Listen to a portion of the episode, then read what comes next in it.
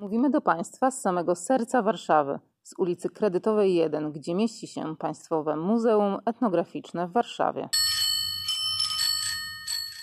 Jako piechurzy jeszcze czasem możemy być neutralni, światopoglądowo, a w tłumie mówi się nawet, że anonimowi. Ale siedząc na rowerze, anonimowość natychmiast pryska. Zaczyna promieniować od nas ideologiczna wręcz poświata. I ludzie wytykają nas palcami, o ty patrz, jedzie cyklista. Przejażdżka na rowerze nie jest zwyczajną rekreacją, sportem e, czy korzystaniem z tego bardzo wydajnego narzędzia. Jest manifestacją i podkreśleniem obecności ja. Nawet w sensie filozoficznym. Proszę zwrócić uwagę na rowerzystę, a nawet bardziej na rower i migające czerwone światełko. Lampka to nie tylko bezpieczeństwo. Lampka czyni z rowerzysty podmiot. To ja. To oznaka, można powiedzieć, publicznego i społecznego komunikatu. Czasem można go rozumieć jako komunikatu mniejszościowego czy równościowego. I w tym duchu prawdopodobnie zrozumiał go pewien polityk. Nie wiem, czy Państwo pamiętają wypowiedź polskiego ministra spraw zagranicznych, który skonfrontował tradycyjne polskie wartości. Jeśli takie istnieją, to bardzo chciałbym je poznać, takie polskie wartości, z marksistowskimi. I niech Państwo wysłuchają tych marksistowskich. Wegetarianizm i cyklizm, właśnie. Tutaj z ust e, ministra padła taka deklaracja aksjologiczna, etyczna i etosowa. Ale pozostawmy co polityczne polityce, zajmijmy się dalej rowerem. Rama, dwa koła, łańcuch i inne elementy e, nie są zestawem narzędzi tortur, ani mm, wyposażeniem fana klubu piłkarskiego przed ustawką z narzędziami. Sklecone razem stają się maszyną, która formułuje, można powiedzieć, społeczeństwa od drugiej połowy XIX wieku. Pomijam tutaj pierwsze próby skonstruowania roweru, które następują mniej więcej od mm, właśnie 1807 roku, gdzie powstaje drezyna i tak dalej. Ja tutaj raczej bym się skupił na końcówce XIX-wiecznej, kiedy powstaje e, rower Johna Starleya. I on kształtuje te społeczeństwa i ludzi równocześnie w wymiarze indywidualnym, czyli kształtuje ciało, kondycję, higienę, co wspólnotowym wrażliwość, hierarchia społeczna, moda. Rower, jako jeden z niewielu przedmiotów od przeszło 100 lat, wpływa na niemal każdy wymiar naszego życia. Ruch, sport, relacje, kontakty społeczne, rozwój osobisty, rodzina, praca, status społeczny, wizerunek, urbanistyka. I dla przykładu, rower uwolnił kobiety z gorsetu mody. E, nomen omen, bo z gorsetu również. Dał człowiekowi wolność przemieszczania się, przez co zmienił relacje społeczne, fizycznie zwiększając zasięgi i dotarcia, tak to sobie powiedzmy, poszerzył je. Był traktowany też jako przedmiot identyfikujący robotnika. Choćby rzućmy okiem na film braci Lumière Wyjście robotników z fabryki. Koniec końców przybił również gwóźdź do własnej trumny. Przyczynił się bowiem w ogromnym stopniu do powstania samochodu i rozwoju motoryzacji. E, pierwszorzędnie opisuje to książka Roads Were Not Built for Cars. Choć patrząc na współczelną Polskę, raczej ma się kompletnie odwrotne wrażenie i ja bym raczej zatytułował taką książkę Roads are not for bicycles. Współcześnie widoczność e, roweru w naszym społeczeństwie ponownie wzrasta. Z jednej strony jest przedmiotem, manifestem politycznej lewicy, tej z dużym naciskiem na eko. O dziwo, mimo historycznych kontekstów, mm, nie stał się symbolem czarnych protestów i strajku kobiet. No tutaj sprawa chyba jest jasna, bo łatwiej na protest i na manifestację oparować parasolką niż rowerem.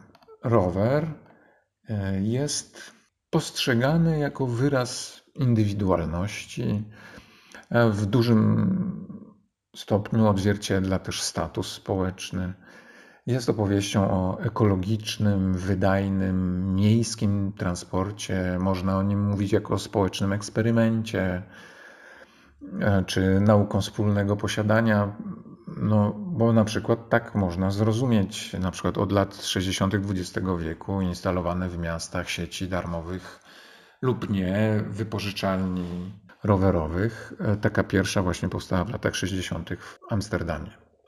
Rower jest traktowany jako remedium na tłok, zanieczyszczenie, siedzący tryb życia. Tutaj bezpośrednie połączenie z stylem życia i ze zdrowiem, z higieną.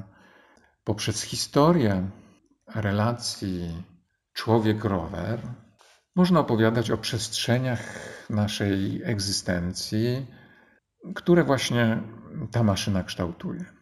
Nierzadko rower antagonizował i podkreślał różnice, stawał się oznaką kryzysu, a równocześnie na ten kryzys był odpowiedzią.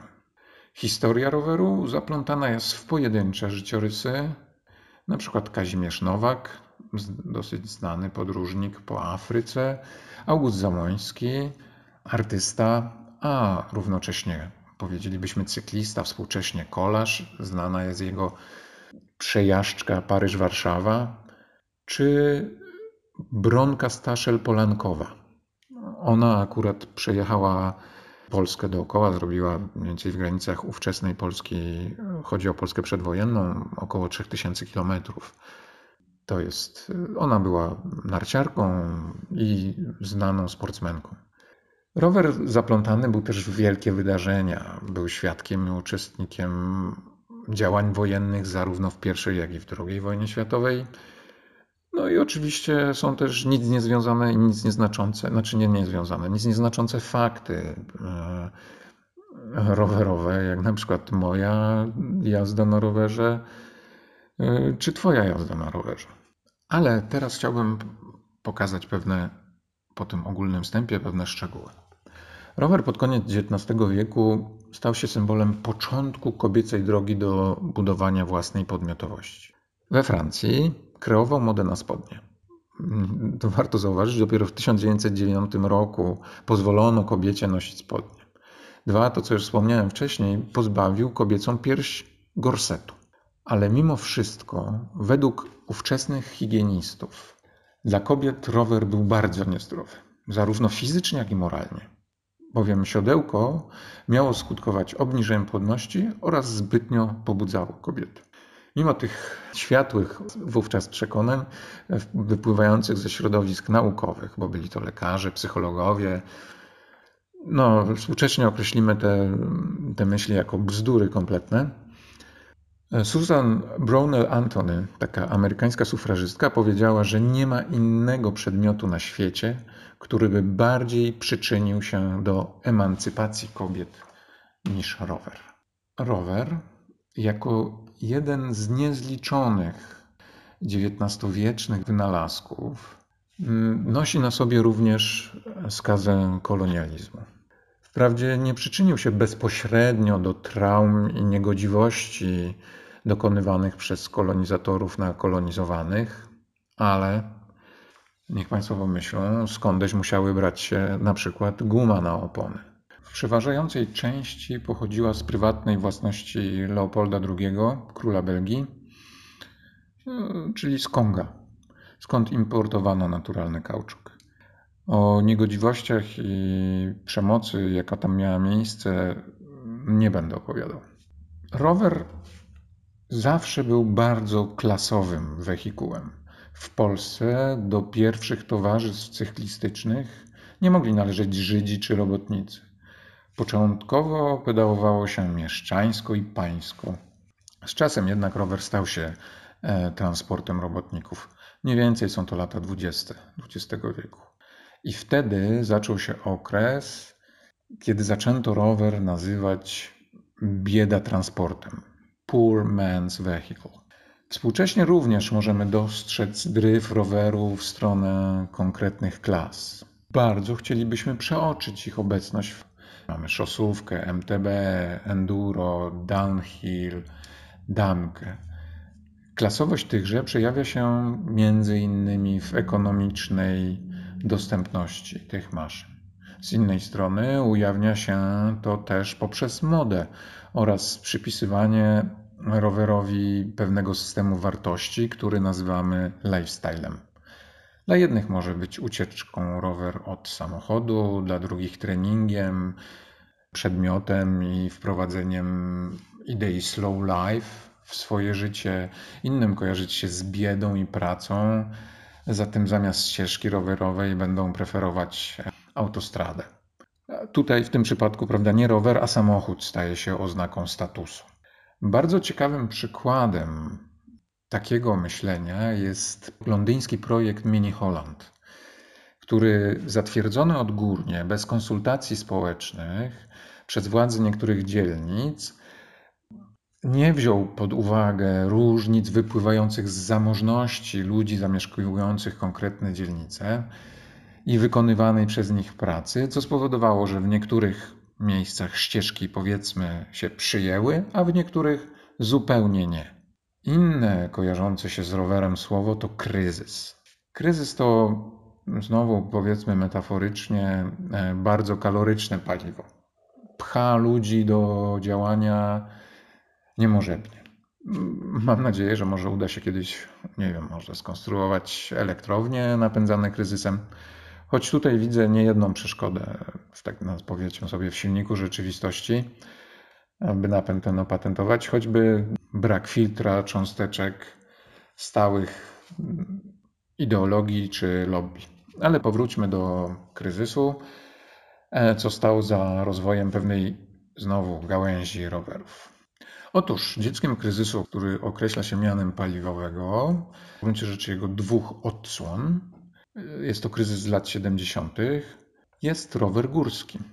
Oczywiście nie chodzi tu o to, że kierowcy zmienili wolanty Chevroletów, Plymouthów, Cadillaców mm, na Schwina Breezera. Mm, ten rower można zobaczyć w Smithsonian Institute. A trzeba powiedzieć, że na początku lat 70.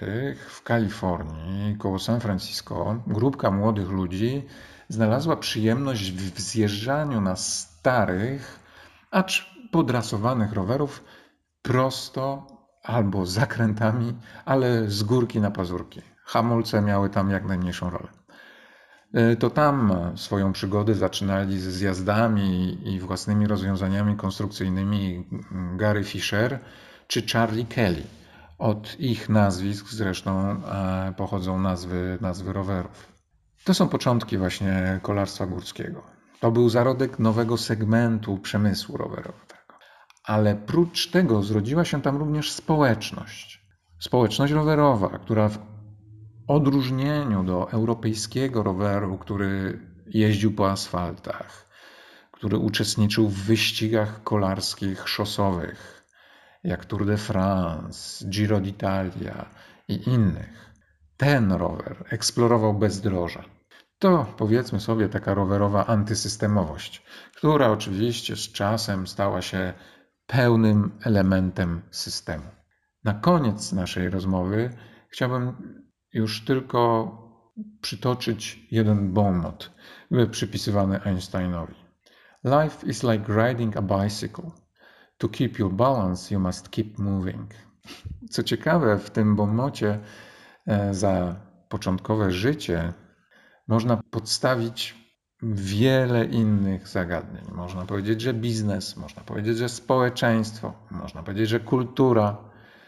Ale gdy dokonamy tego działania, i tak to zdanie pozostanie prawdziwe i uniwersalne.